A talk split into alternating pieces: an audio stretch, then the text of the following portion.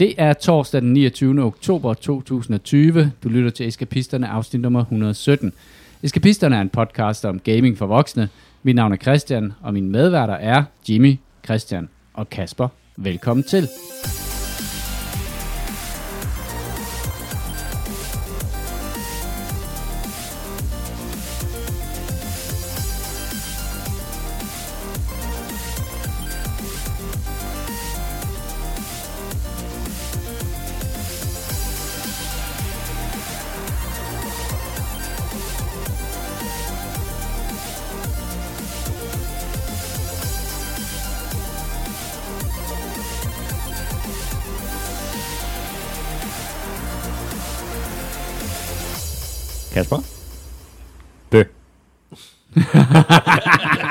Det, det, var lidt mere overbevisende til, med det andet spil. Jeg kommer, jeg, jeg, jeg var simpelthen så fornøjelig opstemt af at se dig øh, blive pissebange i det der Dead by Daylight-spil, der Jimmy han overraskede dig og slog dig ihjel, og du var på, øh, på Jeg den er der videochat. Urimelig ked af, at vi ikke optog den der videochat. For jeg er ret sikker på, at du skal have en læderhjelm på næste gang. Fordi den der stol, den kommer til at ryge bagover. Og det der, øh, det der blik, du havde, når du sådan, man kunne se, at du strakte armene så langt du overhovedet kunne, for ikke at være for tæt på skærmen, men så sådan lukkede det ene øje og knipte det andet sammen. Det er noget det mest, Hvad oplevede du, da vi spillede det spil? det Kasper? mest uhyggelige, jeg har oplevet. Ej, det var, det var helt urimeligt. Og, og I, I tror godt på, at nu jeg har det svært med gyser, ikke også? Jeg tror på det jo. Det må jeg sige. Øh, Jeg skal lige være helt sikker, fordi du sagde, du sagde, du havde slukket lyden, ja, jamen, det, så det ikke var så jamen, hyggeligt. det, det, det så, er... så skal du være opmærksom, så slukker du også den radar, der gør, at du kan høre, når monsteret er tæt Jamen, på det dig. har jeg ikke behov for. det har jeg jo, det havde du. Du blev meget overrasket. jeg, jeg tror ikke, det var overraskende. Det var mere, at den den der uhyggelige ting kom derhen. Jeg synes, det var så livagtigt. Jeg tror ikke, det havde hjulpet, at jeg havde haft den der lyd på der. Oh. Altså, det, jeg, var, jeg var så skræmt. Det var helt... Øh, ja. Ej, jeg, jeg, jeg får stadig sådan lidt... Jeg kan mærke hjertebanken nu, hvor vi snakker om det, så det var fantastisk. Hej, Christian, har du set uh, Dead by Daylight? Jeg har spillet det, Ja, men ikke... det er jo ikke sådan fotorealistisk grafik, vil jeg sige. Nej, nej, det er det ikke, men der, der, er, der er helt klart nogle jumpscares i det. Ja. I det der med, at det bliver jo intens der, hvor man bliver jagtet ned og sådan noget, og lige taget. Det, det er typisk sådan nogle split-second moments. Mhm. Men nej, det er ikke fotorealistisk. Jeg er misundelig på det, Kasper. Jeg vil ønske, at øh, et eller andet kunne øh, bare sådan give mig halvdelen af den øh, uhygge, du, du mærkede, fordi jeg synes godt nok ikke, det var særlig uhyggeligt. Men det var selvfølgelig også, fordi jeg sad lige ved siden af dig, Jimmy, og jeg vidste, at det var dig, der var monster, så jeg kunne... Ej, jeg, kan, jeg kiggede faktisk ikke over på din skærm, men jeg, jeg synes ikke, det var heldigvis uhyggeligt. nødvendigt. Det var meget, det var, det var meget fedt spil. Altså, jeg synes, det var super, fordi vi havde Kasper. ja, ja, det var, det var helt klart højdepunktet på det der. Jeg tog et par runder, hvor man spillede sammen med, med tilfældige pick-up teams, og mm, det var meget... Altså, jeg tror, det, jeg tror, det vinder rigtig, rigtig meget, når man sidder og griner og snakker sammen. Ja. Det tror jeg også. Har du spillet det med ungerne, Christian, eller hvad? Ja, især Ja. med den store Sune, øh, ja. der har vi spillet det. Jeg kan ikke huske, var du også med på et tidspunkt, Jimmy? Det kan Nej, jeg har ikke været med. Men, øh, Hvor mange spillede men Det var fint nok. Det var, det var. Vi spillede bare mig og ham, og så mod, øh, mod Okay, computeren. Mm. Øhm, og det var okay, men, al- altså, men, men det der med, det er helt klart et spil, der lever. Øh, 80% af det, det er sjovest, hvis man spiller det med en gruppe venner, tror jeg. Fordi der er så meget øh, at hente i det i forhold til griner hinanden. Ja. Ja, det kan jeg godt forstå. Det, det var gratis, eller det var, var, det, Ja. var det Game Pass, vi Ja, spillede Game på? Pass. Det var Ja, det. Dead ja, by. Daylight hedder det, ja. Et Halloween-fremstød, de har, ikke? Ja, ja, det er, det er meget Halloween, men det ser også ud som om, at man kan spille det i rigtig lang tid. Altså, der er sindssygt mange unlocks og alt muligt andet, som, som man kan... Øh, og cosmetic outfits og Der sådan er noget. ekstra monstre og sådan nogle ting. Der er alt muligt, du kan hente til det. Ah, okay. Der er sådan nogle øh, masse crossovers, der var noget Stranger Things og alt Men, muligt. men hvad filen var det, vi spillede på et tidspunkt for cirka et halvt, et helt år siden? Vi spillede et eller andet. Jeg synes, det er lidt i den genre, hvor man... Øh, sådan capture the flag-agtigt, hvor man skulle... Var fire mand co-op, der skulle øh, løse en mission. Har vi ikke spillet noget i den dur?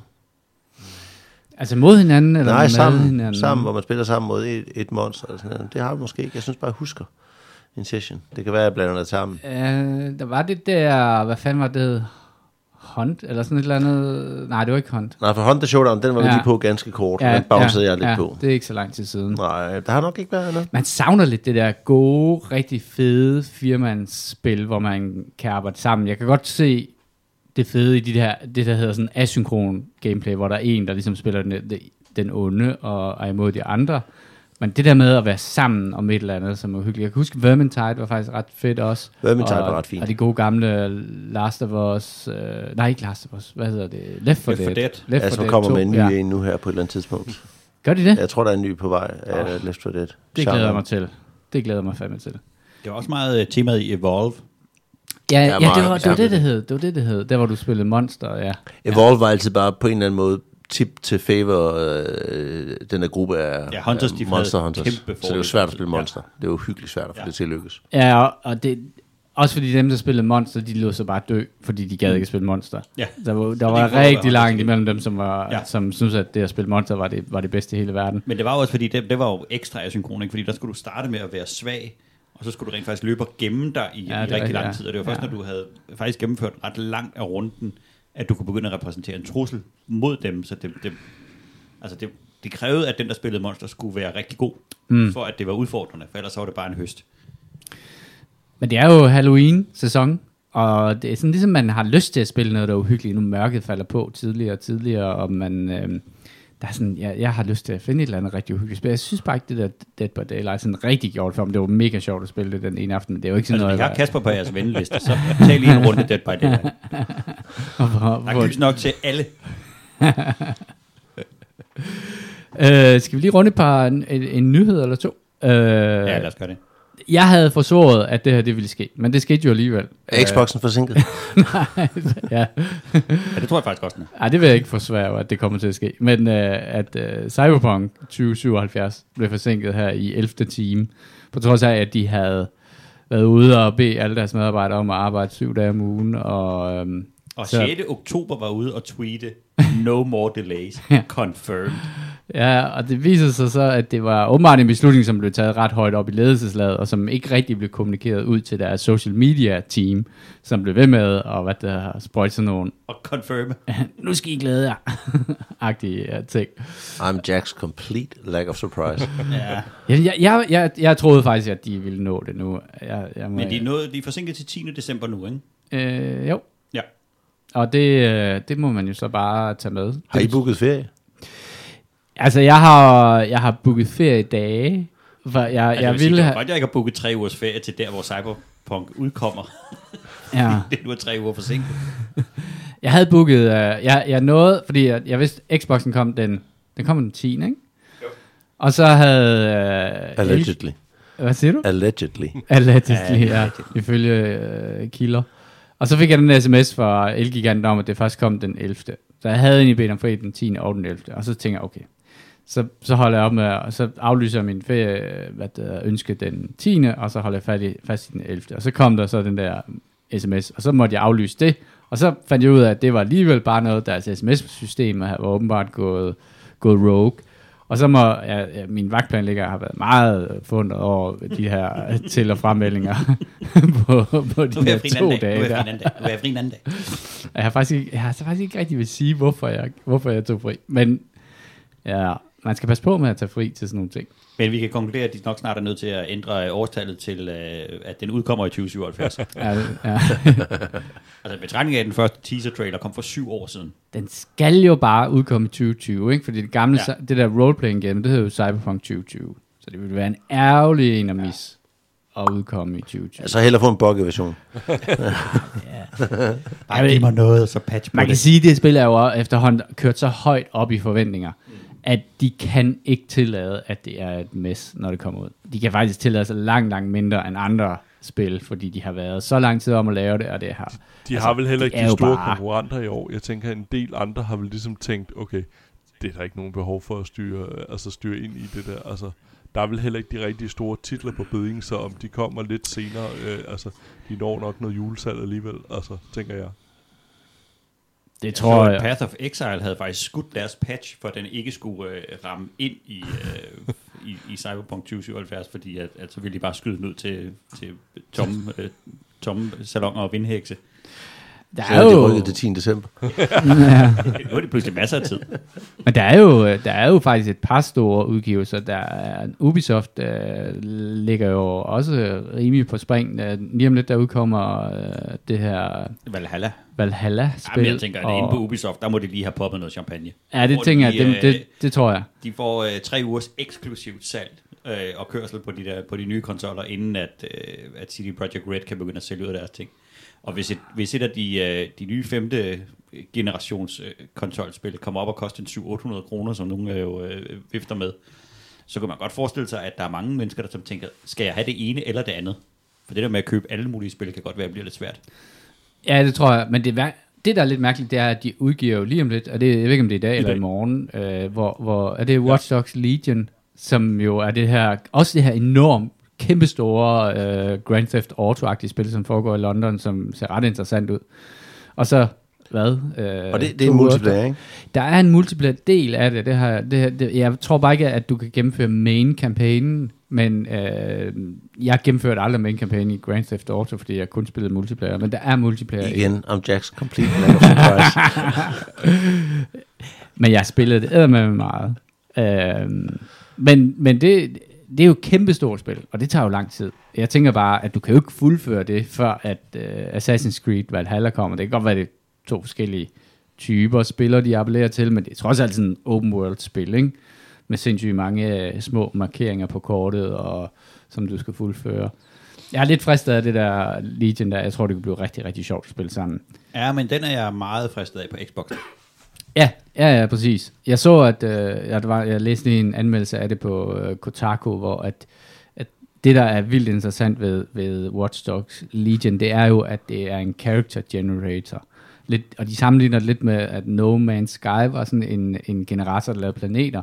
Så det her spil designet til at generere karakterer. For du kan jo rekruttere alle i øh, London til øh, det her, den her hackerorganisation, der hedder DeadSec. Og så kan du får du med nogle skills, som passer til, for eksempel hvis du rekrutterer en bygningsarbejder, så har han en sømpistol, og, og han kan komme ind på en byggeplads, fordi han har øh, gul vest og hjelm på og sådan noget. Så jeg ser udfordringen i, at vi skal rekruttere dem, der er dårligst til det heist, vi, Vi skal have lave sådan en uh, er bedst, bedstemor. brugbare, man Bager. Hvad med uh, sådan nogen, der primært bruger deres arbejdstid på at sidde og taste uh, e-mails ud i vildskab? Fire data entry guys, der skal lave et, øh, et high-scale Fire heist. mellemledere. Ja, vi, vi er mellemledere uden. Jeg har lige en maraton, vi skal træne til ikke op handicap. De er alle sammen med trikoter, øh, hvad hedder det, mellemledertrikoten på. Ja, fire mellemledere uden nogen at, like give opgaverne til. Det kommer til at hænde galt. Uh, men altså sådan uh, ren uh, allerede reviews uh, til PC, der lander den lige der, hvor man gerne vil lande uh, på 75% på Metacritic, fordi så får man en uh, grøn, uh, hvad hedder det, score, uh, hvorimod at uh, PlayStation 4 udgaven, den er landet på 74, som så giver en gul score, og det har ret stor betydning i Au. forhold til uh, ja, altså budgetter og sådan noget frem. Altså Watch Dogs? Ja, det, det nye der, ja. Ja, okay. Så det, jeg, jeg tror, jeg tror måske også, jeg, jeg forventer ikke det helt store af dem i forhold til, hvor meget jeg synes, at etteren var hypet op, og så spillede jeg spillet, som jeg synes var relativt kedeligt. Øh, jeg, mm. jeg, det er ikke et, jeg har øh, behov for at løbe ud og købe. Altså, jeg, nu ser jeg ikke så meget frem til Valhalla, på grund af, at Cyberpunk lige øh, udskød sig øh, selv igen der, så... Jeg skal ikke glemme Football Manager 21 udkommer også nu her. Også ganske, ganske lidt for sent. Overraskende. Altså, det var faktisk svært at finde de andre nyheder frem, fordi det var bare skulle igennem alle de der nyheder omkring Præcis. Football Manager. Og, men det er jo faktisk en kompleks udgave i år, fordi corona har smadret alle fodboldklubbers økonomi, og liga dato turneringer, hvornår de starter og slutter, og Gud, transfervinduet ja. starter og slutter. Og de har jo sådan vekslet spændende. mellem det der med at være... Og spillet har altid haft sådan en mission, der hedder, at det er eskapisme. Altså det samtidig med, det er du skal ikke hyperrealisme. bekymre dig om... Uh, Nej, nej, præcis. Det er det der med, at når du spiller Football gå ind over til et hold og spil, ja. og så kan det gå lidt vildere, end det måske gør. i vir- Altså, så kan ja. du udvikle det til mere, end det gør i virkeligheden. Ikke? Men, men samtidig har de haft den der hyperrealisme med at, med at have så præcise evalueringer af alle spillere, øh, altså op til, jeg ved, flere hundrede tusind spillere i databasen, ikke?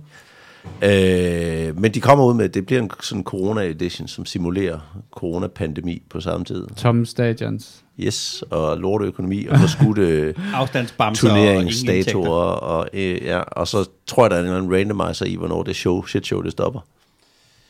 Det må fandme være svært at lave et spil der, fordi I de foregående I- kopier, øh, både 20'eren og 19'eren, har der kørt sådan en Brexit-simulator i. Fordi de engelske klubber skal have en procentdel engelske spillere på banen, Ah. og, skal, og der er nogle, nogle lande, som, de, øh, som, som tæller som foreigners, men europæiske lande tæller ikke som foreigners. Men der var en begrænsning på, hvor mange. Det, jeg tror, det er noget med, at de må have tre foreigners på banen på samme side. Eller det er et sindssygt politisk spil. Ja, ja, og der har de nemlig haft sådan en simulering, der kører, fordi man vidste ikke, hvordan Brexit landede.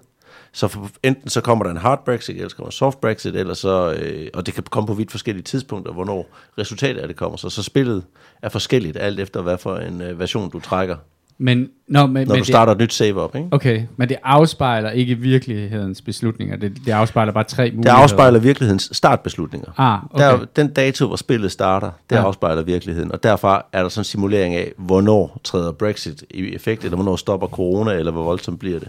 Så er det sjovt. Ja. Øh, men også lidt deprimerende. Ja. at man skal tage sådan noget med ind i et spil, ikke? Ja. Det, det er jo også med, med uh, Watch Dogs er jo, er jo også et politisk spil. Uh, det går jo ud fra, at der er sådan en eller anden fascist ud uh, regering, øh, overvågningssamfund, der har overtaget magten i England, ikke? Uh, selvom at, at Ubisoft jo altid er super uh, påpasselig med at, at, at sige, at der er ikke noget af det, de laver, sådan har nogen politisk kommentar til det, men, uh, men det virker bare som om, at det er en mere dark version af, af Watch Dogs, end de andre har været. Jeg har heller aldrig været fan af dem. Jeg, jeg spillede... Første Watchdog var sådan rimelig hardcore, øh, det der med, at du altid kunne du hacke ind i folk, og så kunne du se, hvad de snakkede om, eller hvad de lavede i deres lejligheder. Det var altid sådan noget øh, trist med alkoholikere, eller tæsker deres børn, eller pædofili, og man blev sådan vildt deprimeret. Nå, okay. Jeg har toeren, tror jeg. Jeg. Jeg tror, jeg fik den gratis eller sådan noget, men jeg må indrømme, jeg startede den op, og så... Jeg kom ikke ind i det. Jeg kom ikke ind i det, men grund til, at jeg synes, det her er sjovt, det er fordi, at der, der er grundlag for rigtig meget space og løjer. Ja. Og det er, det, det er helt klart det, der tiltrækker mig. Det er ikke øh, den der store Der er basis for dårlige heist. Dårlig, dårlig heist og cockney engelsk øh, på den gode måde, og masser af, af skøj sammen med vennerne. Det, det tror jeg godt, jeg kan, det tror jeg godt, jeg kan overtale til. Ja, ja, præcis. Ja. Hvad er forventningerne til Assassin's Creed? Vikings? Høje. Altså, jeg vil sige, det blev jo en kæmpe vinder øh, hos Lea i hvert fald, fordi at, øh, hun elsker Assassin's Creed-spillene. Øh, Det er ikke ude endnu, vel? nej, det kommer den 10. Okay. Det er, altså, medmindre de så forsinker det. Men det tror jeg nu ikke, de gør. Øh, jeg tror, at det, jeg har læst og hørt og set, øh, virker det jo som om, at de kører, hvad skal man sige, den nye formel for, hvordan et Assassin's Creed spiller, den form, der blev grundlagt med Assassin's Creed Origin og hvad det hedder, Odyssey, hvor at de går mere i retning af sådan et open world adventure spil, end sådan en snimorder simulator.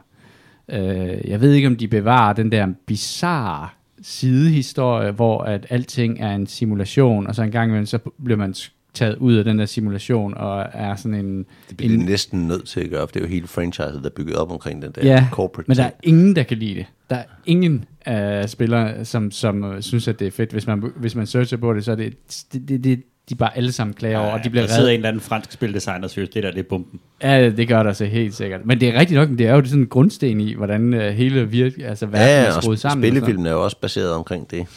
Jeg synes, de burde øh, klippe den navlstreng. Og så ja. Bare lave det, som de er all, aller, aller bedst til. Det er murder tourism i Ancient Worlds. Altså, fordi de er jo rigtig, rigtig gode til at lave de her verdener her.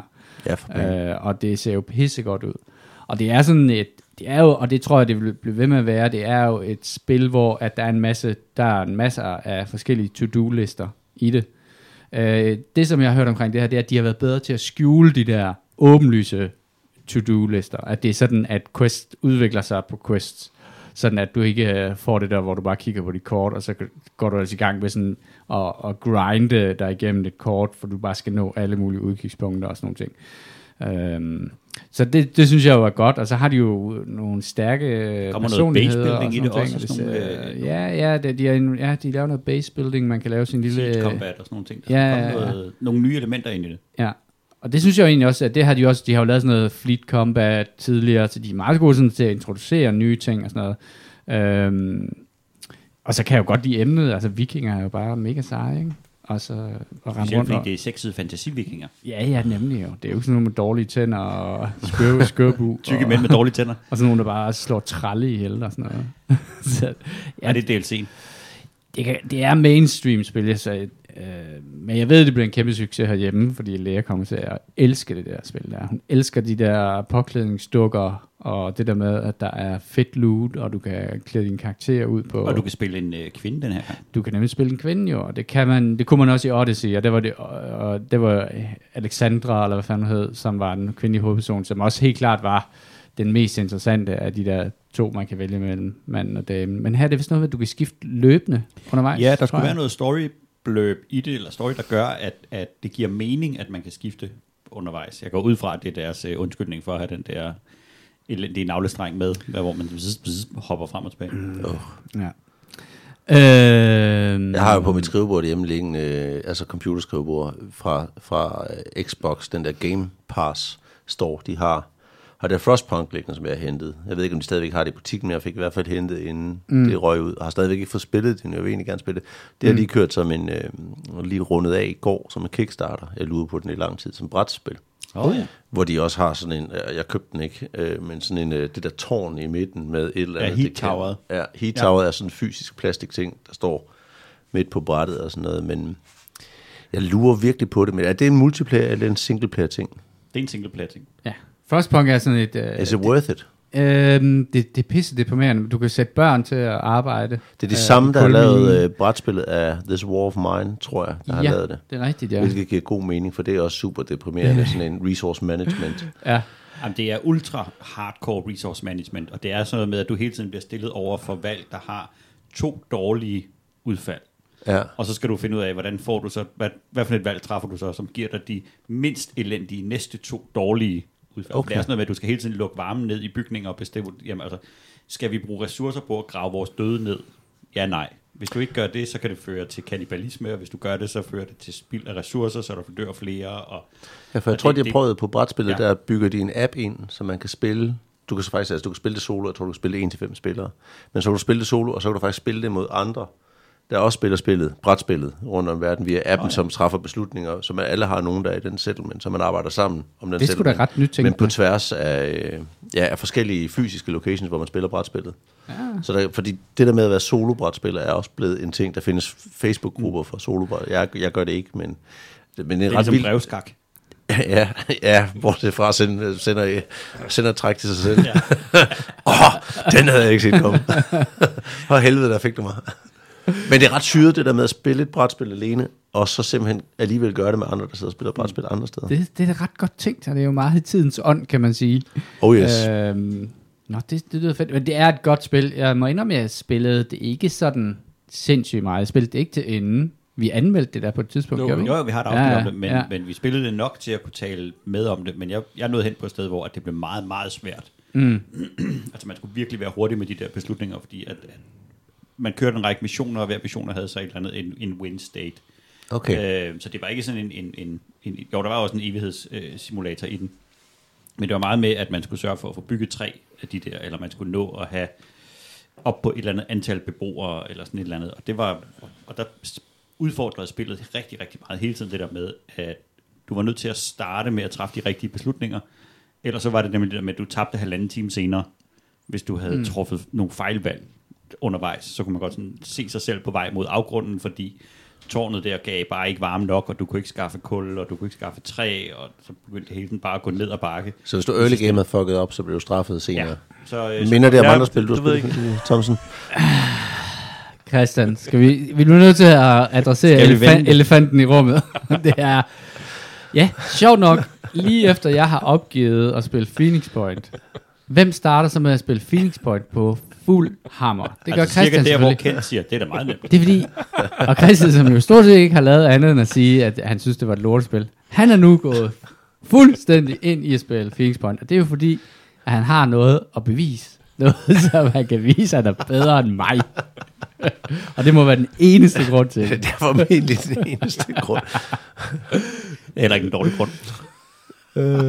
Men hvad synes du om det, Christian? Øh, jamen, øh, jeg synes faktisk, at det er et, et, et enormt underholdende spil, og det har jo det, den der McDonald's belønningsmåde, den kører på, fordi de missioner, der er, de er så bite-sized. Altså det er sådan små spiselige missioner hele tiden, der tager mm. en lille time, et eller andet, og clear sådan en bane. De skal nok blive længere undervejs, når spillet skrider frem, tænker jeg. Men det der med, at man kan lige spille løse en mission, altså lande på et eller andet øh, exploration point, Ja. og knække den, og så kan man gå i seng, eller man ja. kan lige tage en mere. Så det, det er bite-sized øh, og belønnings-reward bygget op på en eller anden måde. Så på den måde er det for, for sådan casual, altså gamer, som, Som dig. som jeg er, er det, er det jo nemt at styre, fordi at, øh, Ja. ja. ligesom turn-based ting og så videre. Øh, og det er grund til, at jeg har været hård, hård ved det, det er fordi, at det, det, altså, det, X, uh, XCOM 2 var jo den store titel inden for den genre, og jeg spillede jo Mutant Year Zero, som jeg synes var rigtig, rigtig fantastisk, fordi universet var fantastisk, og der var så meget charme mm. universet. Ja. Og det har jo meget den samme mekanik, Ja. som det her det har. Øh, Det der med, at du skal vælge at bruge, du har så så mange action points på en runde, sådan øh, point, du kan bevæge dig for og skyde for, og det skal du finde ud af, hvordan du økonomiserer det bedst, øh, og en hit chance på, hvad du skyder efter. Øh, jeg synes faktisk, historien holder. Mm. Og det er nok det væsentligste af det. Mm. Fordi der er, nogle, der, er, der er en fed historie, og der er en fed progression i den historie. Der er tre factions, som har hver deres tydelige øh, identitet. Og der er en, en tydelig fjende og en fin historie om, hvordan verden er landet, hvor den er. Og det er det, der ligesom bærer det igennem. Fordi hvis man skralder det væk, så er det et reskin af en mechanic engine på en eller anden måde. Og det er nok det, jeg bouncer mest på, fordi jeg, jeg er bare efterhånden blevet så gammel og mæt af spil, der, der er det samme som noget andet, men et reskin. Mm. Jeg, man savner jo lidt det der med, at, at komme nu lidt videre. For der er ganske få innovationer i det her, i forhold til sådan noget som XCOM 2. Ja, det er der helt sikkert. Det er der helt sikkert. Men det har, det har lidt... Øhm, det har noget mere... Som, jeg, jeg, Jeg synes, det er det der med deres aiming-system, hvad du skyder på, mm. hvordan du ligesom kan mere free aime, Ja. det kan jeg godt lide. Ja. Og så tror jeg også, at det minder mere om de gamle XCOM-spil, eller som de der mods, der hed The Long War, man kunne få til XCOM 2, som gjorde spillet meget, meget langt, øh, og meget, meget stort i scope. Og det, det er det, jeg, som det her det også har. Du kan jo have mange teams kørende. Du har ikke bare sådan en core. En af de ting, som den nye generation af XCOM-spil, det var jo, at de skrællede øh, squad sizes ned til langt færre folk, end det havde været de gamle XCOM-spil, og de, og man sagde, at de blev mere heroes, end de blev øh, grunts. Øh, og øh, i, i det her, der kan man godt æde sin tab, hvis man vil det, fordi max level er level 7 øh, for en karakter, og det gør, at man, det tager ikke så lang tid at levele en ny. Det er stadig et, et, et, et virkelig træls ting at tabe det, men du kan have rigtig mange squats i sving på en gang, og, og det, det er ikke, øh, og, og, og det gør, at der er nogle forskellige muligheder, for, fordi du kan jo faktisk godt have 5-6 squats kørende, hvis du vil, men er det en viable taktik øh, i forhold til, hvad det koster at affodre dem og sådan nogle ting, det er jeg faktisk ikke helt sikker på, og det, det gør bare, at der, at der er ligesom sådan, der er noget manøvrerum i forhold til at lægge sin egen strategi og udføre den, som jeg synes er super fedt. Og så kan vi snakke om den der sidste mission der, og det synes jeg, vi skal gøre rigtig meget, når du når Hvor det. mange timer vil du tro, jeg skal bruge for at komme derhen? For jeg kan godt mærke på spillet, at det er sådan et, der har... Det, det kommer til at være et, som... Øh, kommer til, hvis jeg kommer fra det for lang tid, så tror jeg ikke, jeg kommer tilbage til det. Nu har jeg set dig sidde og spille der, og jeg kan se, at du fanger jo, du fanger jo mechanics, og det er jo rigtig hyggeligt at have det, have det streamet. Jeg fik faktisk lyst til at spille det igen, da jeg sad og kiggede på dig og spille det her. Øhm, Det skal du helt sikkert Og jeg tror, at at se dig spille. Med det, den hastighed, du skrider nu, så vil du kunne gøre det forholdsvis hurtigt. Jeg tænker sådan en 40-50 timer eller sådan noget den stil. Okay, Øh, det bliver Heidi glad for at høre. Ja. Altså et hurtigt spil. Der er jo ikke noget spil, når du er færdig med så holder du, holder du op med at spille jo. men, men ja, det tror jeg godt, du vil kunne gøre, og så vil du selvfølgelig ramme panden imod muren, og, og opgive at spille, og komme tilbage og sige, Christian, du har ret, spillet er, er bug, det kan ikke løses, jeg smider håndklædet i ring, jeg undskylder mine spydige kommentarer. En undskyldning per kommentar.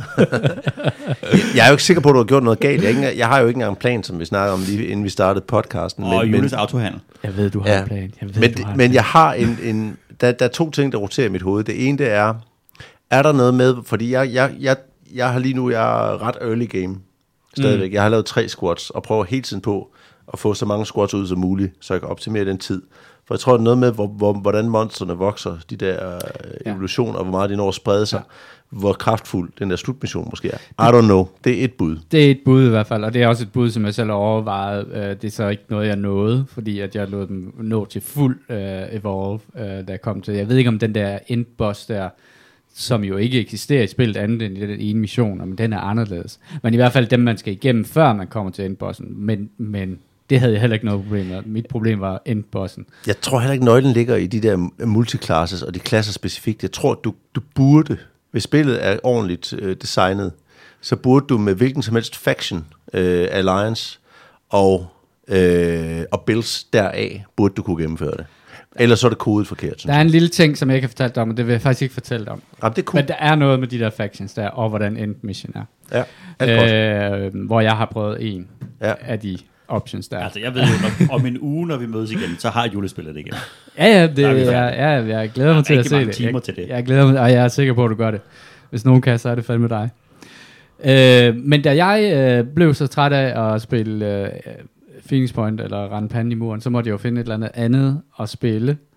Øh, og der øh, faldt jeg over et spil, som egentlig kom til øh, Switch, og i lang tid var et Switch-only spil, øh, indtil det kom på, på Steam, og så var det på tilbud på Steam, for jeg synes, at det var lidt for dyrt. Og det er det spil, som, øh, som hedder Octopath Traveler.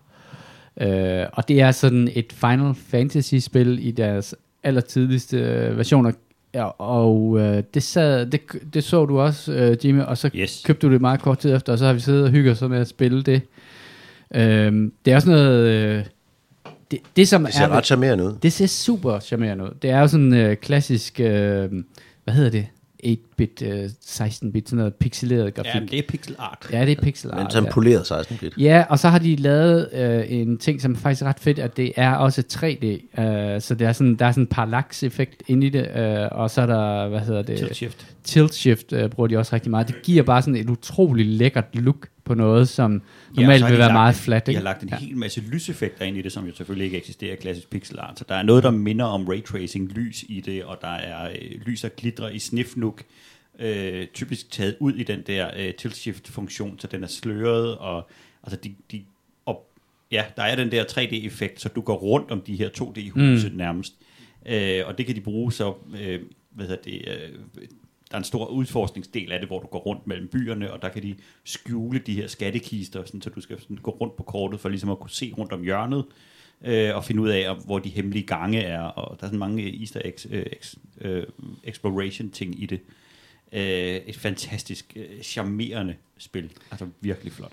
Jeg var, jeg var super vild med det i fire dage. Og så øh, nåede jeg til et punkt, hvor at man meget tydeligt kan se skelettet inde bagved. Det er sådan, der er otte karakterer, der hver har deres storyline, men man ender vist med, jeg ved ikke, om man kan undgå man, man kan samle alle otte karakterer, så har du, du kan have fire med ad gangen, og så kan du så skifte dem ud og ind og sådan nogle ting. Og så hver karakter har et eller andet antal chapters, de skal igennem, men når du har løst det første chapter, så er det ret langt op til det næste chapter. Og det betyder, at du bliver nødt til at løse nogle af de andre karakterers øh, quests, for ligesom at tjene XP. Og de er som regel, så hvis de ikke har været på holdet, så er de som regel lidt bagefter i XP, og det betyder, at man skal grinde dem op til, hvor de kan løse deres. Og så, du ved, så der var sådan en, øh, du hele tiden skulle tilbage og hente nogle karakterer, der var svage, og levele dem op for, at de kunne tage, øh, tage nogle missioner. Egentlig for, at, at den hovedquest, eller den hovedkarakter, du har, kunne, kunne tage den næste, fordi det er noget med, på et tidspunkt, så skal den første chapter 2 quest, der skal du være level 24, og den næste skal du så være level 40. Og det spring derop, det kan man ikke bare tage, fordi det er ret, ret svært. Og det, du kan ikke, det er meget, meget svært at tage øh, quests, som er højere level end dine karakterer. Også når du, når du starter den, fra du starter den første quest, der skal man igennem en, en utrolig masse snak. Øh, ikke, ikke dialogvalg, men bare dialogtryk, hvor mm. du skal høre, hvad der, øh, hvad der bliver sagt, og så ender du med på et tidspunkt at blive sluppet ind i noget, der minder om en dungeon. Det kan være, så være et hus, eller det kan være et hulesystem, eller det kan være en ørken, eller alt muligt andet. Men du skal bevæge dig igennem et område. I det område, der vil få nogle random encounters, og så kommer du til en boss i slutningen af den. Det er quest-formularen mm. i det spil. Og det er den eneste måde, du kommer til at gå i quests i hele spillet. Du kan også gå ind i nogle, øh, nogle free roam dungeon, hvor du ligesom kan finde på kortet præcis samme. Altså du går et eller andet område igennem, så møder du en boss til sidst. Øhm, og nu har jeg nået til level par 30, så jeg har været igennem andet chapter i rigtig mange af de her otte karakterer, øh, og igennem første chapter med dem alle sammen, og jeg har det præcis ligesom dig. Jeg kan se, der kommer ikke til at være nogen som helst ændring i det her. Det er det samme.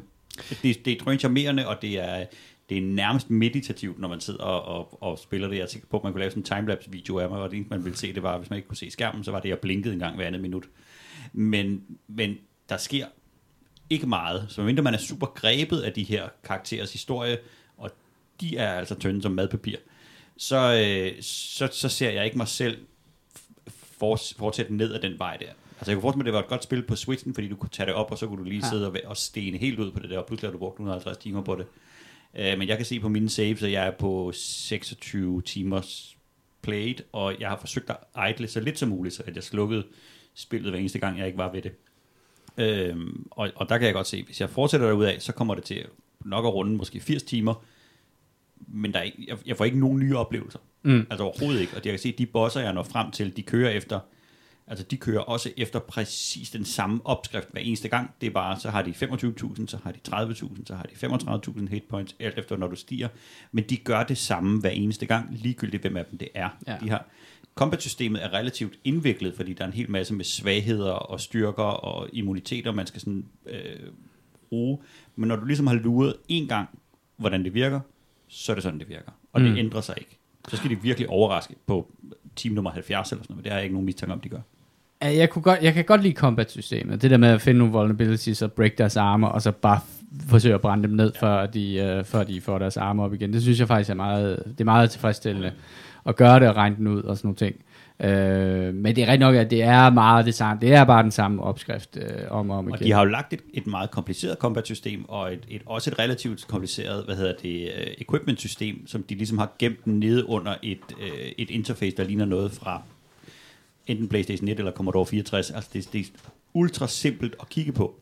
Hvilket er en lille smule ærgerligt, fordi det kan være meget svært at lave det der inventory management. Ikke fordi man skal sidde og sortere sine ting, men hvis du skal prøve at gennemskue, hvilket våben, der er godt til hvad og sådan noget, så, så interfacet er så simpelt, så det er lidt svært, fordi du kan ikke sortere i dine ting, for eksempel. Man skal sådan sidde og bladre igennem dem, Ah, og så ja. undermenuer til undermenuer, men du skal hele tiden sådan sidde og kigge blader igennem, så de har ikke en level select, eller en pris select, eller sådan et eller andet sort by. Øh, det, det måtte det gerne have. Det er steneren spil, og det er, jeg vil sige, til halv, halv pris, hvor, hvor det var på tilbud på Steam, synes jeg faktisk, det er et, et, et rigtig fint spil. Jeg tror, jeg gav Øh. 20 euro for det, og det betyder, at jeg har betalt væsentligt mindre end en euro i timen, Ja. og været super underholdt. Kasper, hvad går du og roder med? Jeg går og ruder med duer. jeg har spillet... Øh, Ikke en sætning, der nej, kommer super tit. øh, og nu, nu fik jeg Altså- altså, jeg, hvad hedder det, jeg sad og rodede den der um, øh, Xbox øh, Game Pass øh, spillene igennem, og så faldt jeg over et spil, jeg har set et par gange, men jeg ligesom tænkte, det behøver jeg ikke at give penge for. Øh, spillet Hatoful Boyfriend, som er et øh, duo dating spil. Øhm, Selvfølgelig ja, er det det. og øh, ja, vi snakker Ah. fuld due. Øhm, men hvad hedder det, er, ja, det er en dating simulator, hvor man er et menneske blandt en masse giftede duer, øh, som alle er kommet til St. Pagination, øh, som skulle være verdens bedste gymnasium. Og du er faktisk det eneste øh, menneske på øh, St. Pigeon F. Stop med at sige det navn, for det kan jeg virkelig ikke få ud. Øh, det er sådan baggrundshistorien, det er noget fugleinfluencer, der er gået mok, og så lige pludselig er duerne øh, blevet intelligente. Jeg dykkede ikke så meget ned i det. Men det er sådan en klassisk øh, japansk øh, visuel novelle, hvor du klikker dig igennem en masse tekst, og så er der en gang med et valg, du skal tage, øh, som så fører dig den ene eller den anden retning. Hvis man skal sammenligne det med noget, så er det nok sådan en øh, svær trolddombøgerne, bare langt mere sexet. Øh, hvad hedder det? Thomsen han sidder lige og bladrer igennem billederne på skærmen herovre. Jeg vil sige, sexet er ikke det, der slår mig, medmindre man har en virkelig underlig fuglefetish. Øh, og jeg kan anbefale, hvis man har tænkt sig at, at tage den på Game Passen, måske lige, øh, hvad hedder det, slå, øh, hvad hedder det, der er en sådan en, hvor man kan få visualiseret øh, duerne, hvor der ligesom er en menneske bagved, der holder de der forskellige duer. For det er med svært, altså fordi dels de japanske navne, og så koble dem til en due. Jeg tror, det er lidt nemmere, hvis man, øh, hvad hedder det, har et eller andet, øh, en anime, øh, hvad hedder det, figur at sætte bagved. Øh, det var en, øh, det var en spændende oplevelse. Øh, jeg ved ikke, om jeg har behov for at spille det igen, for at se de andre, hvad hedder det, valg føre til. Det er en sær fetish, Kasper. Nu, Det er utrolig specifikt, altså, den, som i, i bizart specifikt jeg, spil. jeg, jeg tror alligevel, øh, sådan som jeg læste om det, så havde jeg læst noget baggrund om det, så var det vist lavet lidt i sjov. Øh, og så, så tror jeg bare, det er et eller andet, der er stukket af.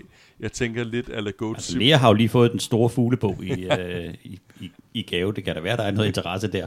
Altså, jeg tænker, det er lidt en, øh, hvad hedder det, japansk udgave af en øh, af Goat Simulator, altså en eller anden idé, der er stukket af, eller hvad hedder det, Untitled Goose Game, så er det bare Japan, der er sket, og så, så, så bliver ting altså lidt mere magisk. Så det, det, det hyggede jeg med med en times tid. Det, det var interessant. Jeg var glad for, at jeg ikke betalte penge for det, lad mig sige det sådan. Det lyder ikke som noget, du vender tilbage til. Øh, det, det, jeg tror det ikke. Nej. det, for, og, og det er det problemet, fordi at øh, ligesom, øh, hvad hedder det med de der, øh, er det ikke svært bøgerne der, der var det jo ret nemt lige at gå tilbage, og så v- vælge en eller anden option. Her har du ligesom dykket dig ned af en stil, og det er så meget langt at komme tilbage til, til, til valgmuligheden, så det, det må øh, forbi hen i det uvisse, hvad der var sket, hvis øh, jeg havde valgt at for, forfølge min øh, drøm om at hooke op med, med læreren på St. Pete's Nation. Det var det. Jeg, øh, jeg startede med at spille Cloudpunk igen. Øh, I øh, ærgelse over, at jeg skal vente endnu længere tid på at spille, øh, spille Cyberpunk. Men det er jo Så sådan et... bare være punk i. Cyberpunk. Ja, Cloudpunk. Ja, det har noget punk i titlen. Men det er sådan et Cyberpunk-spil. Men det handler... Det er sådan en... Igen kan man sige, det er sådan en... Det er meget sådan en historiedrevet spil, hvor at du spiller en øh, kvindelig taxichauffør, eller ikke taxichauffør, sådan en, en budbringer, der deler pakker ud i sådan en cyberpunk-by. Og det, der er ved det spil, det er, at det ser bare mega fedt ud. Altså det er lavet igen i sådan noget, der minder om pixel art, men det er pixel art 3D, så du bevæger, kører rundt, eller flyver rundt i lille hovercraft. Og grund til, at jeg samlede det op igen, var faktisk, at de, har, de er lige kommet med en patch, som gør, at øh, du kan gå ind og sidde ind i cockpittet. Normalt har du været sådan, hvor du, hvor du hang ude øh, og så den sådan i third person, og det gør det væsentligt meget nemmere at flyve rundt i de der baner, hvor at øh, ind i den der store by, hvor at øh, du meget nemt kommer til at støde ind i, i modkørende trafik, fordi det, det kan være svært at bedømme, hvor, hvordan du ligger i, i banen i forhold til dem, der, der er modkørende. Så det gjorde det væsentligt meget nemmere at spille. Og så er historien faktisk rigtig god. Øh, super god historie, øh, som har det der trøstesløse, melankolske øh, ting, som, som en, en god cyberpunk-novelle øh, skal have. Øh, det er et fint lille spil, som er også sådan et, som er nemt at spille. Det ikke, kræver ikke særlig meget af dig. Der er ikke noget combat i det. Øh, du ligger i virkeligheden bare og kører sådan nogle øh, runs med nogle pakker, mens at der udspiller sig sådan en dialog. Så så, så det gameplay, der er, er sådan ikke særlig udfordrende. Death Stranding. Men, men du, ja, ja, præcis. Ja, det er jo lidt det samme. Altså, du, det er ikke svært at, at spille det, samtidig med, at man følger med den dialog, der udspiller sig på bagsædet, eller i radiokommunikationen med, med hovedstationen derhjemme og sådan noget. Øhm, og så ser det bare drøn godt ud. Øhm, virkelig, virkelig gennemført art direction, som er i det, og øh, et, et rigtig fint lille spil. Øhm, Nu er jeg jo gået forbi øh, bagved en gang, når du sidder og spiller det, og det er et af de spil, jeg virkelig godt kunne tænke mig, der var i VR. Altså når, Ja. fly, når du kører rundt i den der bil, at det, det, det måtte godt have en, en VR-komponent, fordi det ser så overdrevet flot, og samtidig meget, meget øh, hvad, roligt og stenet ud, det Ja. spil. Ja, og det burde også have real-time ray tracing, hvilket jeg heller ikke tror, det har. Uh, for der er så meget neonlys i det spil, at det kunne bare se så svine godt ud. Men jeg tænker også, at det kunne knække hele spillet, hvis det var, at de puttede ray tracing ind på alle lyskilder i det spil. Fordi at det er sådan en evig nat med øh, en, øh, en frygtelig steel øh, grey sky øh, over dig. Øh, så det har alle, alle klichéerne, som, øh, som der hører sig til i sådan et, et godt cyberpunk-univers, og det er bare en dejlig, dejlig verden at, at dykke ned i, øh, for det er så mættet øh, i øh, atmosfære, og, og sådan noget, det tiltaler mig utrolig meget. Så, så, også det der lidt stenede øh, gameplay, også fordi jeg skulle have et eller andet at slappe af. Det, det er omtalt som Cyberpunk 2077 Waiting Simulator. Elevatormusikudgaven af det. Der kommer faktisk en del cyberpunk-spil her, så også lige sådan, der Eller var Phoenix Point Relief Program. Ja, det, ja, det, det. det er sådan noget for uh, folk, der er uh, damaged, uh, så kan de, så kan de blive sunket ned i et eller andet, som ikke er så krævende. Det, det er lige mig. Det er lige mig. Øh, men ja, der kommer mange Cyberpunk-spil for tiden. Jeg så også, der var sådan et, at øh, der var lige kommet et på, øh, på, X, eller på Game Pass, med sådan et eller andet samurai, øh, neon samurai, et eller andet. Og der er også et eller et, et, et uh, first person samurai, øh, sådan lidt øh, parkour-agtige samurai-spil, som også øh, er kommet ud nu, så der, det er, det, ja, det er ligesom, det er bare det nye sort, det er noget med cyberpunk. Jeg tror også, det er ligesom, når man ser, når der kom, da der kom Narcos på Netflix som tv-serie, så kom der alle mulige andre narco-running film spin-offs. Altså det er jo det ja. der med Cyberpunk 2077 kommer til at trække en helt hale af folk, der gerne vil, vil, vil lukrere på den bølge Ja. i en fart. Ja. Det er så sjovt med de der Netflix-film. Nogle gange så ligger de så tæt op af i forhold til den der thumbnail-billede, de bruger til at præsentere, eller titlen, eller et eller andet, så man, så man nogle gange kan komme til at tage fejl. Og det var ligesom den der, projekt. hvad fanden var det, de der, det der, det der filmselskab, som lever af at lave dårlige kopier af, Ej, ja. af Ja. populære Ja. film, hvor at, de, at, deres, deres indtægt er baseret på, at folk vælger forkert. vi skulle sidde se, vi havde, jeg havde hørt om, der var den der Overlord, som er sådan en øh, nazi-zombie-agtig film, øh, og der var vi meget tæt på at komme til at købe den der dårlige kopi der, som der alligevel er nogen, der har puttet en del penge i at producere, men, men deres indtjening går på, at folk kommer Men den til har at en lege den. hundreddel af den rigtige film at lave, ikke? Og så, og så har de bare en hel række af, af ting, altså... Øh, så i stedet for Battleship, så havde de uh, Warship og, og, og Ja. plakater, der lignede og sådan noget. Det var en, vanvittig industri. Altså, jeg har kæmpe, kæmpe respekt for nogen, der slår et firma op på med udelukkende. Altså, jeg har kæmpe meget lyst til at se nogle af de dårlige film der. Så jeg bare lige Microsoft og, og Xboxen. Der er også bare Xbox One og, Ja, Ja, ja, ja. alle dem, der har, der har bestilt den til julegave. Ja. De, Altså, der er også... øh, Vi skulle, øh, vi skulle prøve at se sådan en... øh, Her i kollektivet skulle vi forsøge, at se en, en gyserfilm. Øh, serie, der hedder Hunting of Bly Manor, som er på Netflix og sådan rimelig øh, hot nu her. Og vi var gået i gang med at se de første 10 minutter, et kvarter, hvor vi sad og tænkte, det har da intet at gøre. Vi var lige et par afsnit bagud, så vi skulle lige fange. Det var så The Haunting of Hill House, men de er så kommet præcis samtidig.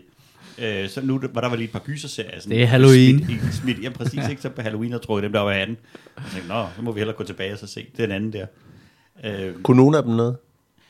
altså, jeg er jo absurd skræmt af alt, hvad der hedder gyser. Så jeg bliver rigtig, rigtig bange, når Så jeg de virkede begge to på dig?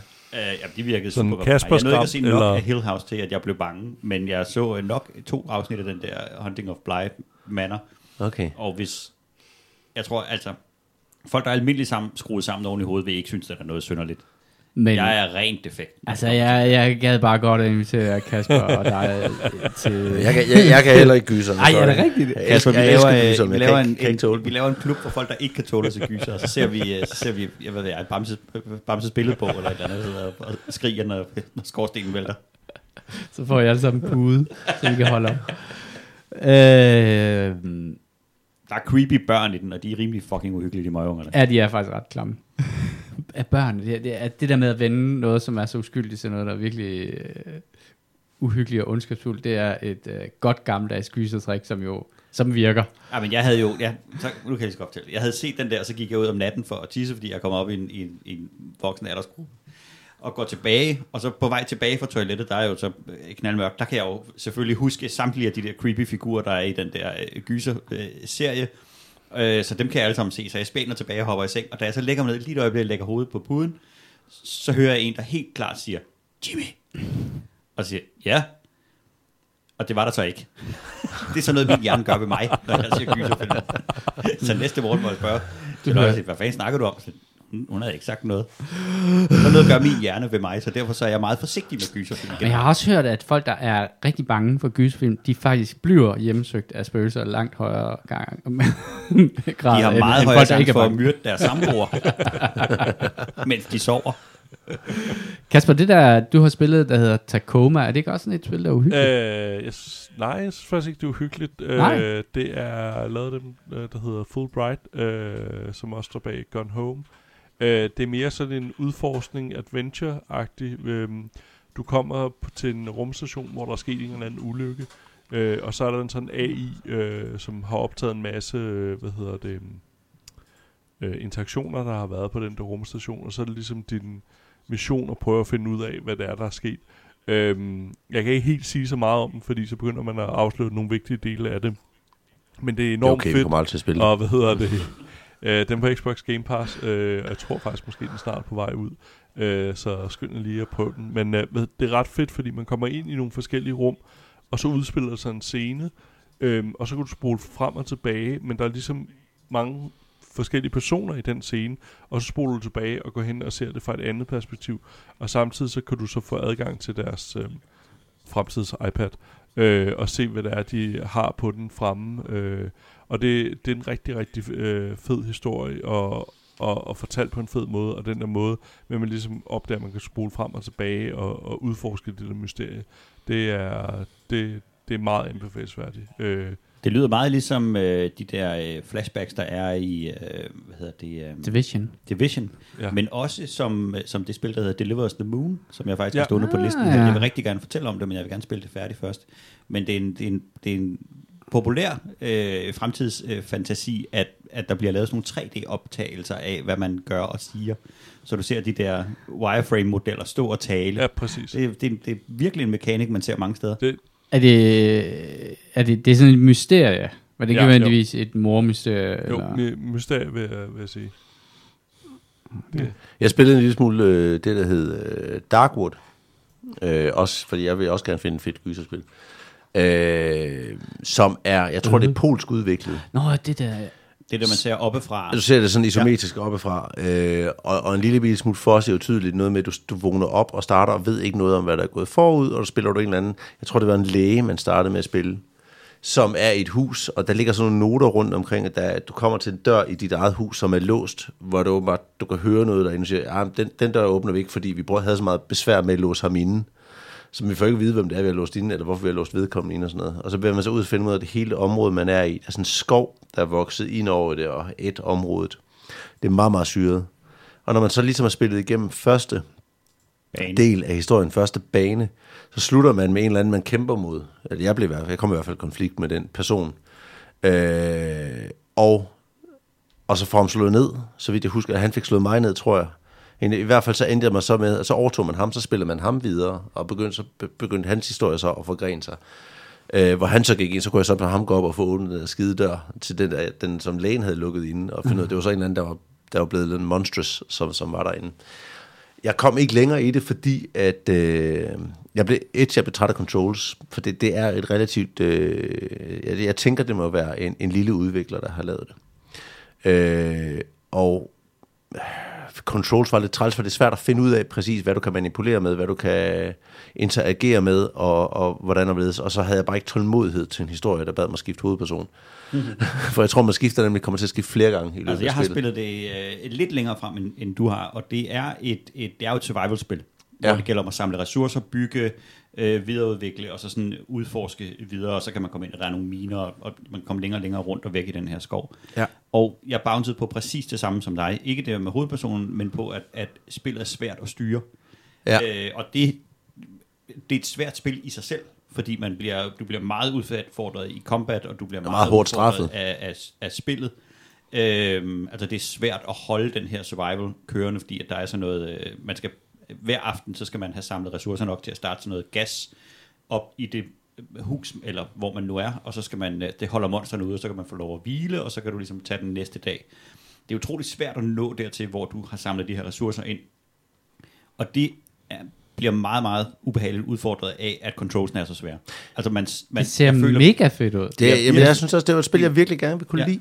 Det, og det det, er det et flot spil, men jeg føler, man sejler rundt. I Ja, der og det var lidt ligesom at spille... Altså, min oplevelse var lidt det der med, hvis man siger... Jeg synes nemlig, det så super fedt ud. Og, og grafikken og mood og sådan noget, det, det, det, det, det klikker alt sammen det rigtigt for mig. lavet. Det er nemlig super creepy lavet, i modsætning til Don't Starve. Men det er, det er lidt som at spille Don't Starve, men, Dårligt. men hvor controls er så dårlige, at ikke bare skal du nå at få samlet ressourcer, for at du får et bål og kan overleve til natten. Du skal også kæmpe mod, at, at den ikke lige vil klikke og samle et eller andet op, eller vil gøre et eller andet. Det, det, Det det, er ærgerligt. det er Altså, vildt jeg er blevet hurtigt at blive hysterisk angst for at møde nogle monstre. Ikke fordi, at, at man ikke kan slå dem ihjel, men fordi, at jeg simpelthen ikke kan styre, Hvad du slår på. hvad jeg slår på, eller hvad retning jeg peger i, og Ja. sådan nogle ting. Det er bare sådan noget Enig. panik. Men, men jeg, jeg tror, at sådan noget der, vil, altså sådan noget, hvor at man ikke går efter en fotorealistisk grafik og sådan noget, det er mere uhyggeligt, end de der spil, der forsøger at lave et eller andet scary monster. Det gode, der, det der, der er rigtig godt ved det der spil, så er det, at den der lyssætning og stemning i det er, er virkelig god, men den er Ja. også, altså, der er en god historisk skrivning i det, fordi det, bare- det er virkelig en creepy Jeg tror nemlig også, der gemmer sig en rigtig fed historie i det. Kan man spille det på easy?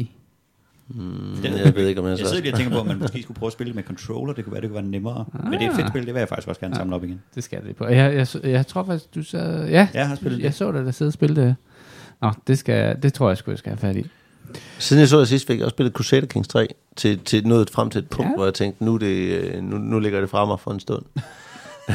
Du er til Du øh, har erobret hele verden. Nej, det har jeg ikke. Det har jeg ikke. Øh, Jeg har erobret øh, hele Skandinavien, jeg har erobret hele Storbritannien, og jeg har erobret øh, det meste af Spanien og Italien, og, og har øh, afsat paven, og, øh, og kunne se, at nu var det bare et spørgsmål om nogle århundreder, før jeg har erobret verden. Mm.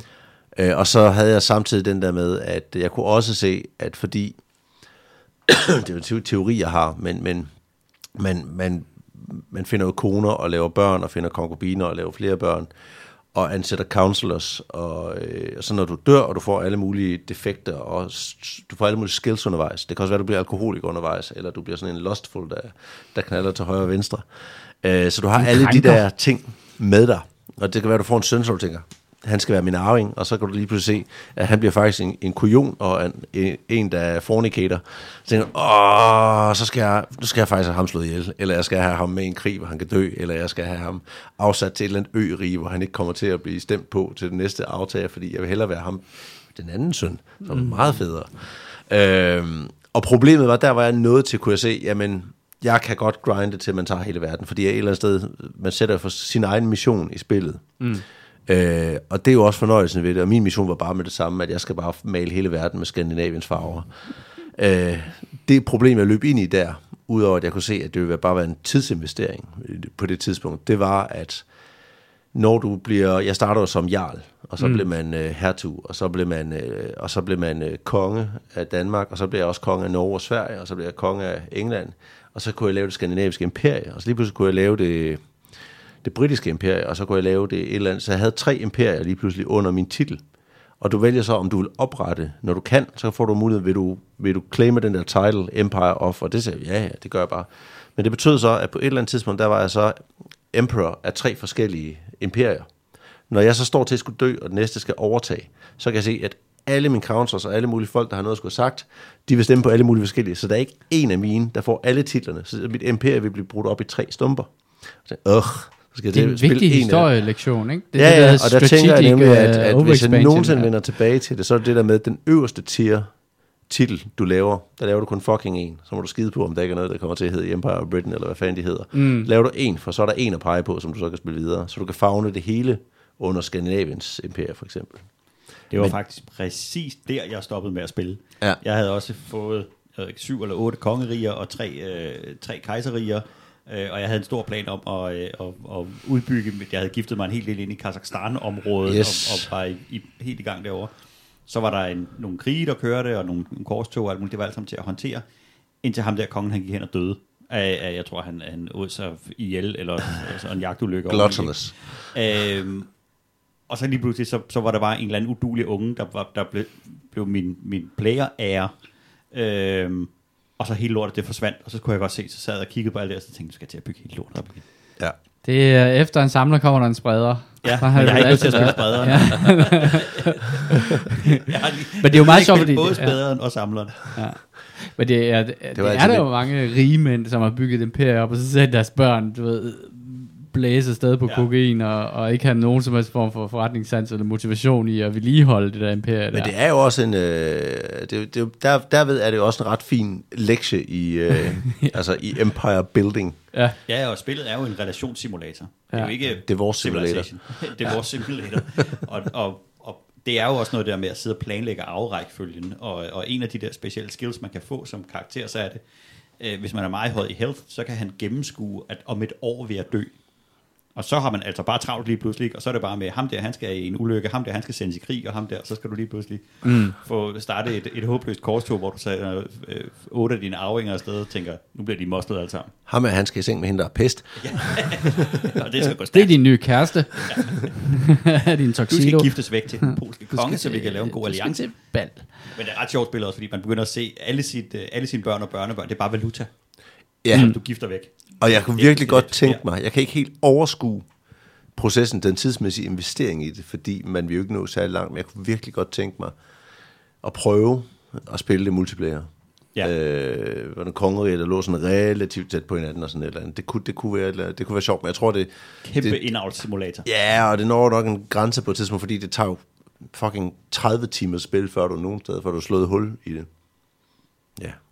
Det bliver Stellaris om igen. Ja, ja, jamen det er så, jeg har faktisk ikke kommet i gang med det endnu, men det er, så, det er så sjovt ud, og det er sjovt at se på, og det er sjovt at høre om de der historier, der kommer ud af det, og sådan noget elsker jeg jo. Altså, Jamen, er sådan jo, noget, det, er jo, det er jo Dwarf Fortress i, Ja. ja. uh, i Konge. Ja. Ja. Et vanvidssimulator, fordi der sker så mange crazy ting. Skal vi øh, hoppe over nogle anbefalinger? Kasper, vil du lægge ud med noget... Øh, Øhm, hvad er det? Er det noget film, eller? Jeg søgte, øh, dengang Tiger King kom frem, om øh, dokumentarer i lignende stil. Altså, hvor man har et eller andet, man bliver, du ved, et eller andet, der stikker af. Øh, og der øh, faldt jeg over Three øh, Identical Strangers, øh, som jeg ikke rigtig kunne finde på noget format, men den er så lige kommet på Netflix. Og øh, den, øh, det er en sådan historie om, øh, hvad hedder det, to øh, brødre, der finder hinanden. De er øh, begge blevet bortadopteret. Øhm, og det, det er en sådan ret vild historie, at øh, det er en, der starter på et college, øh, hvor at ham, hans øh, bror, har gået året før, så der er alle mulige, der kommer hen til ham og siger, ah fedt, du kom tilbage, og det troede vi ikke, og han bliver kysset af alle mulige tilfældige. Øhm, og det, det, det bliver sådan, sådan en ret stor historie i USA. Øhm, og så er der en, der kigger på et billede i en avis, hvor han er sådan, hvorfor er der to kopier af mig i det her? Øh, så det er i virkeligheden øh, trillinger, vi har med at gøre. Øhm, og øh, Freaky. hvad for noget? Freaky. Øhm, og øh, hvad hedder det? Øhm, uden at sige for meget, så øh, hvad hedder det? Så ligger der en sådan lidt ret øh, dyster historie bagved, øh, som jeg ikke rigtig vil sige så meget om, men jeg kan klart anbefale den, hvis man er til nogle dokumentarer, hvor der ligesom sker et eller andet vildt i, så og, og, og ja, en, en helt vild historie, så, så, så kan jeg anbefale, at man dykker ned i den. Det, det er lidt ligesom at sige, øh, at man må heller ikke fortælle for meget om Tiger King, men det, det er også en sådan dokumentar, der bare skal opleves, den her Three Identical Strangers øh, på Netflix. Lea havde fødselsdag, øh, og jeg skulle ud og finde en gave til hende, og hun havde, øh, nu har hun jo, øh, hun er begyndt at arbejde hjemme, ligesom alle mulige andre, og øh, hun har en Mac, og, når- og når man har en Mac, så er der ikke særlig mange USB-porte at slutte øh, tastatur og mus til og sådan noget, så jeg, så jeg tænkte, jeg ville købe et, øh, en, en trådløs mus og en trådløs, øh, et trådløs tastatur til hende, eller et Bluetooth-tastatur. Du har altid været romantisk. ja, men, øh, det er, øh, på, Jeg kan love dig, der er en, der kender sin kone hun blev meget, meget glad. Det som øh, jeg så faldt ned i, eller jeg, jeg tror faktisk, jeg fik grebet fat i, øh, i øh, begge sider af det der kaninhul, før jeg blev suget helt ned i det, det er den verden, der findes omkring mekaniske keyboards. Det er en øh, sindssyg hobby, øh, hvor at øh, folk øh, lubricater deres tastaturer med sådan noget særligt øh, kemisk øh, voks og bygger tastaturer og har øh, ekstremt øh, udtalte holdninger om, hvilke knapper er de bedste i forhold til, om det er Cherry Brown, Cherry Red, Hvorfor eller fanden nævner du Cherry. Brown? Det er der jo ingen, der kan lide. Det er jo fuldstændig sindssygt udtalelse at komme med. Jerry Brown er, er Leas øh, foretrukne mærke. Hun, hun er faktisk en, der, der sætter pris på et godt mekanisk keyboard. Øh, Øh, og det er, det er jo en rest for alle os, som voksede op med et aflagt IBM keyboard, øh, som har den der klak, klak, klak øh, tastelyd. Øh, og det er noget utroligt taktilt i, øh, i de her hvad det hedder, mekaniske keyboards, som, som tiltaler mig. Øhm, og jeg fandt sådan et, et, øh, et, et, et lille mærke, som hedder Keychron, som er sådan et kickstartet øh, øh, keyboard. Det, keyboard bliver jo lavet i tre forskellige størrelser. Er det 60%, 80% og 100%? Og det er det, man... Så det, og, og, Og, det var så og mange flere. et, ja, og mange flere selvfølgelig. Og det er jo, det er jo, det er jo øh, det er så et, et 80% keyboard, hvor der, så, hvor der ikke er noget numpad på, men det er fordi, der, hendes, hendes skrivebordsplads er ikke så stor, og hun vil godt have et, et mindre keyboard. Og det var så et af dem, som var ret godt rated, øh, på trods af, at det ikke er det dyreste øh, keyboard, man overhovedet kan købe. Men den verden der, der er... Øh, af, hvad hedder det, af keyboards er, ja, nu sidder, hvad du sidder og holder op, Det er, Kasper? Det er en det er en keytester. keytester. Jeg har været så tæt på at købe med de uh, seks forskellige uh, cherry, uh, hvad hedder det, uh, keys, uh, dengang der var sådan rimelig lille udvalg. Um, og, og hvis det her ikke er nok, så har jeg, tror jeg, 12 mekaniske keyboard liggende, jeg med glæde tager med, så, hvis, uh, hvis folk har lyst til at prøve lidt forskelligt. Kasper, hvad... Du Øh, minder mig om The Unabomber. Jeg havde også en meget stor samling. Men shit var det var en vild verden. Og det som er, er, er lidt fedt ved den, det er, at det er jo ikke ligesom at samle på Porsche eller alt muligt andet. Det, det er faktisk til at komme i nærheden af og skabe sig en, en decideret samling af keyboards. Og jeg kan godt mærke, at der er noget, der virkelig rykker i mig, og fordi at, at, at gå ind i den der snak der. Og øh, jeg, jeg tror, at jeg, øh, jeg fik øh, hævet mig selv op, øh, lige før jeg faldt ned i det hul der, men jeg kunne mærke på dig, Jimmy, at du Jeg er i frit fald.